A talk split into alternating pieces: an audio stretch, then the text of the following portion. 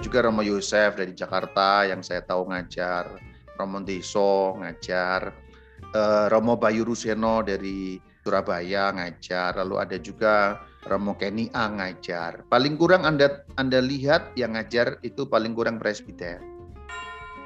Jika kita baca kitab suci untuk renungan pribadi, namun belum memiliki buku-buku penunjang yang dianjurkan tadi, bagaimana tipsnya Rama supaya pemahaman kita tidak melenceng? Ya, tipsnya adalah mengecek pada KGK. Kalau itu pun nggak punya ya tanya Romo, nonton katkit. Misalnya Anda bingung tentang apa, cari di situ yang relevan, nonton Katolik Media. Nah, Katolik Media itu juga temannya Katkit ya, Vin ya? Iya, Rama. Nah, Anda Anda cari sumber-sumber yang terpercaya. Apakah semua sumber terpercaya? Tidak. Karena ada yang pakai nama Katolik, ada yang pakai nama apa, tapi ya malah abal-abal ada juga. Pastikan paling kurang yang ngajar Romo.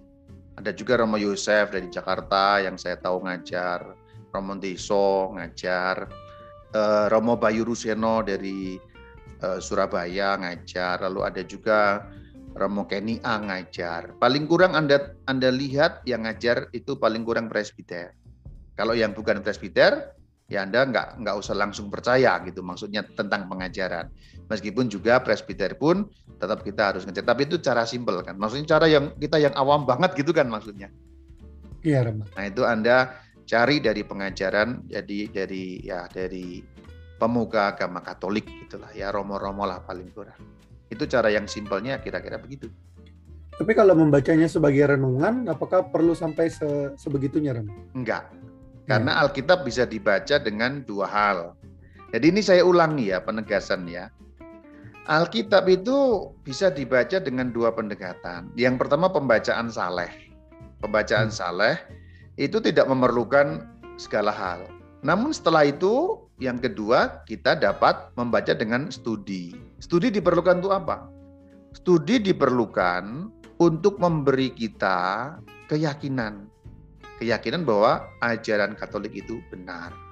Maksud saya adalah kalau Anda tidak punya problem dengan itu dan suatu saat kelak tidak akan punya problem dengan itu, ya nggak usah belajar juga nggak apa-apa. Pengetahuan diperlukan sebenarnya untuk mempertanggungjawabkan iman kita sendiri. Kenapa sih Katolik begini, percaya ini, dan juga mengajarkan ini?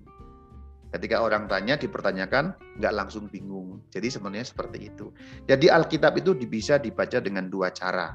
Pertama, pembacaan saleh. Yang kedua, pembacaan studi atau dipelajari. Contohnya, saya pilih langsung contoh ya dalam Injil Yohanes ya. Yohanes 20 ayat 19. Bedanya apa? Pembacaan saleh dengan ya. pembacaan studi ya. Pembacaan yang sifatnya rohani. Kalau bahasa lainnya rohani dan belajar gitu ya. Belajar Alkitab dan membaca rohani. Silakan Kevin tolong Yohanes 20 ayat 19 baca. ya Rama. Ya. Ketika hari sudah malam pada hari pertama minggu itu Berkumpullah murid-murid Yesus di suatu tempat dengan pintu-pintu yang terkunci, karena mereka takut kepada orang-orang Yahudi. Pada waktu itu datanglah Yesus dan berdiri di tengah-tengah mereka dan berkata, "Damai sejahtera bagi kamu." Ada kata apa yang di sana muncul diucapkan oleh baginda Yesus? Damai sejahtera bagi kamu. Nah, itu. Keadaannya para murid seperti apa di situ? Takut, Bang. Takut. Nah, pembacaan saleh atau pembacaan secara rohani itu membaca saja tanpa kita pikirkan yang lain-lain. Lalu kita seakan-akan hadir, Tuhan menyapa kepada kita. Berarti kalau kita membaca secara rohani, oh murid-murid takut.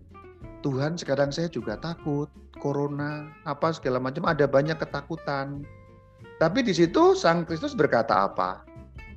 Damai sejahtera bagi kamu. Nah, berarti Sang Kristus saat ini juga berkata begitu Terima kasih Tuhan. Aku mengalami ketakutan dari berbagai macam hal yang memang menakutkan hari-hari ini. Tapi sekarang Tuhan berkata kepada aku berfirman, damai sejahtera bagi kamu. Itu namanya pembacaan rohani. Berarti di tengah ketakutan Tuhan menghibur saya, memberi kekuatan damai sejahtera bagi kamu. Itu nggak perlu pakai pengetahuan. Yang diperlukan hanya saat ini, di sini, sekarang ini, Sang Kristus yang sama juga bersabda kepadaku, damai sejahtera bagi kamu di tengah ketakutanku. Itu contohnya ya. Contoh yang kedua, studi bagaimana? Kalau studi bagaimana, Vin? Contohnya. Ayat yang sama, ya, Yohanes 20 ayat 19. Kalau distudikan kira-kira bagaimana, Vin? Ini bukan hmm. hanya soal pembacaan saleh, tapi bukan hanya soal pembacaan rohani, tapi dipelajari. Kurang lebih seperti apa? Kenapa mereka mengunci pintu? Nama? Ya, contohnya. Itu berarti kita bertanya-tanya, kenapa ya mengunci pintu? Ketika hari sudah malam, hari sudah malam itu hari apa ya itu? Nah kan hmm. gitu. Itu contoh kenapa yang simpel ya. Orang Yahudi. Ya, pada hari pertama minggu itu loh hari pertama. Kalau hari pertama itu yang dimaksud hari apa ya? Hmm. apakah hitungan hari sekarang dan dulu berbeda ya? Coba perhatikan. Tadi yang pertama dan kedua ini beda nggak penekanannya? Beda. Sangat beda ya. Nah itulah itu... yang dimaksud di dalam dari verbum 26 tadi. Maka semoga dengan demikian melalui pembacaan dan studi kitab suci sabda Allah berjalan terus dan dimuliakan. Iya, pembacaan dan studi berarti dua hal. Pembacaan itu maksudnya hanya baca saja, kita nggak usah memikirkan aneh-aneh. Tapi studi hmm. berarti apa? Ya mempelajari. Pembacaan berarti membiarkan Tuhan berbicara kepada kita. Itu caranya begitu. Jadi kalau pembacaan tadi kira-kira diulang, Vin, kira-kira bagaimana ayat yang tadi itu? Pada waktu itu datanglah Yesus dan berdiri di tengah-tengah mereka dan berkata, damai sejahtera bagi kamu. Damai sejahtera bagi kamu. Damai sejahtera bagi kamu. Lalu di situ Anda mungkin merem membayangkan ada Tuhan Yesus di depan saya. Tuhan Yesus berfirman, damai sejahtera bagi kamu. Kamunya lalu menjadi kamu siapa? Saya, Rama. Kamu yang membaca, ya kan? Iya. Nah itu. Lalu diulangi kata-kata itu, diresapkan, Kemudian dibayangkan lagi damai sejahtera bagi kamu, Bayu. Nah kalau yang baca Kevin ya berarti damai sejahtera bagi kamu, Kevin. Lalu di situ kita muncul sapaan Tuhan. Itulah yang disebut Tuhan berfirman melalui Alkitab itu begitu. Yang dulu dikenakan untuk para murid, yaitu rasul konteksnya itu, sekarang dikenakan padaku. Itu bukan studi. Tapi kalau studi ya tadi itu pintu-pintu kenapa kok terkunci ya? Kira-kira kuncinya kayak apa ya? Misalnya gitu. Kadang-kadang kan pertanyaannya kan nggak penting, tapi boleh gitu. Boleh nggak ya, boleh? Yesus kok bisa masuk ya, Rama? Yesus kok bisa masuk ya? Nah itu. Itu kan pertanyaan. Yesus kok bisa masuk pintunya terkunci badannya badan apa ya iya. itu saya sudah jawab itu nanti anda anda ini atau yang lebih dalam lagi itu kan baru pertanyaan-pertanyaan yang muncul sekilas contohnya damai sejahtera bagi kamu. Teks Yunaninya bilang apa?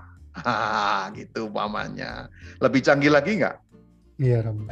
Contohnya damai sejahtera bagi kamu itu kan kalau Ibrani kan shalom alaikum gitu ya. Kalau uh, Yunani kan irini, irini pasi atau irini irini imin ya. Saya buka teksnya dulu bunyi apa. Irini imin ya. Irini. Nah, itu kalau studi berarti apa? Dalam konteks bahasa Yunani, irin itu akarnya apa? Konteks penggunaannya apa? Pada zaman Tuhan Yesus kata itu berarti apa?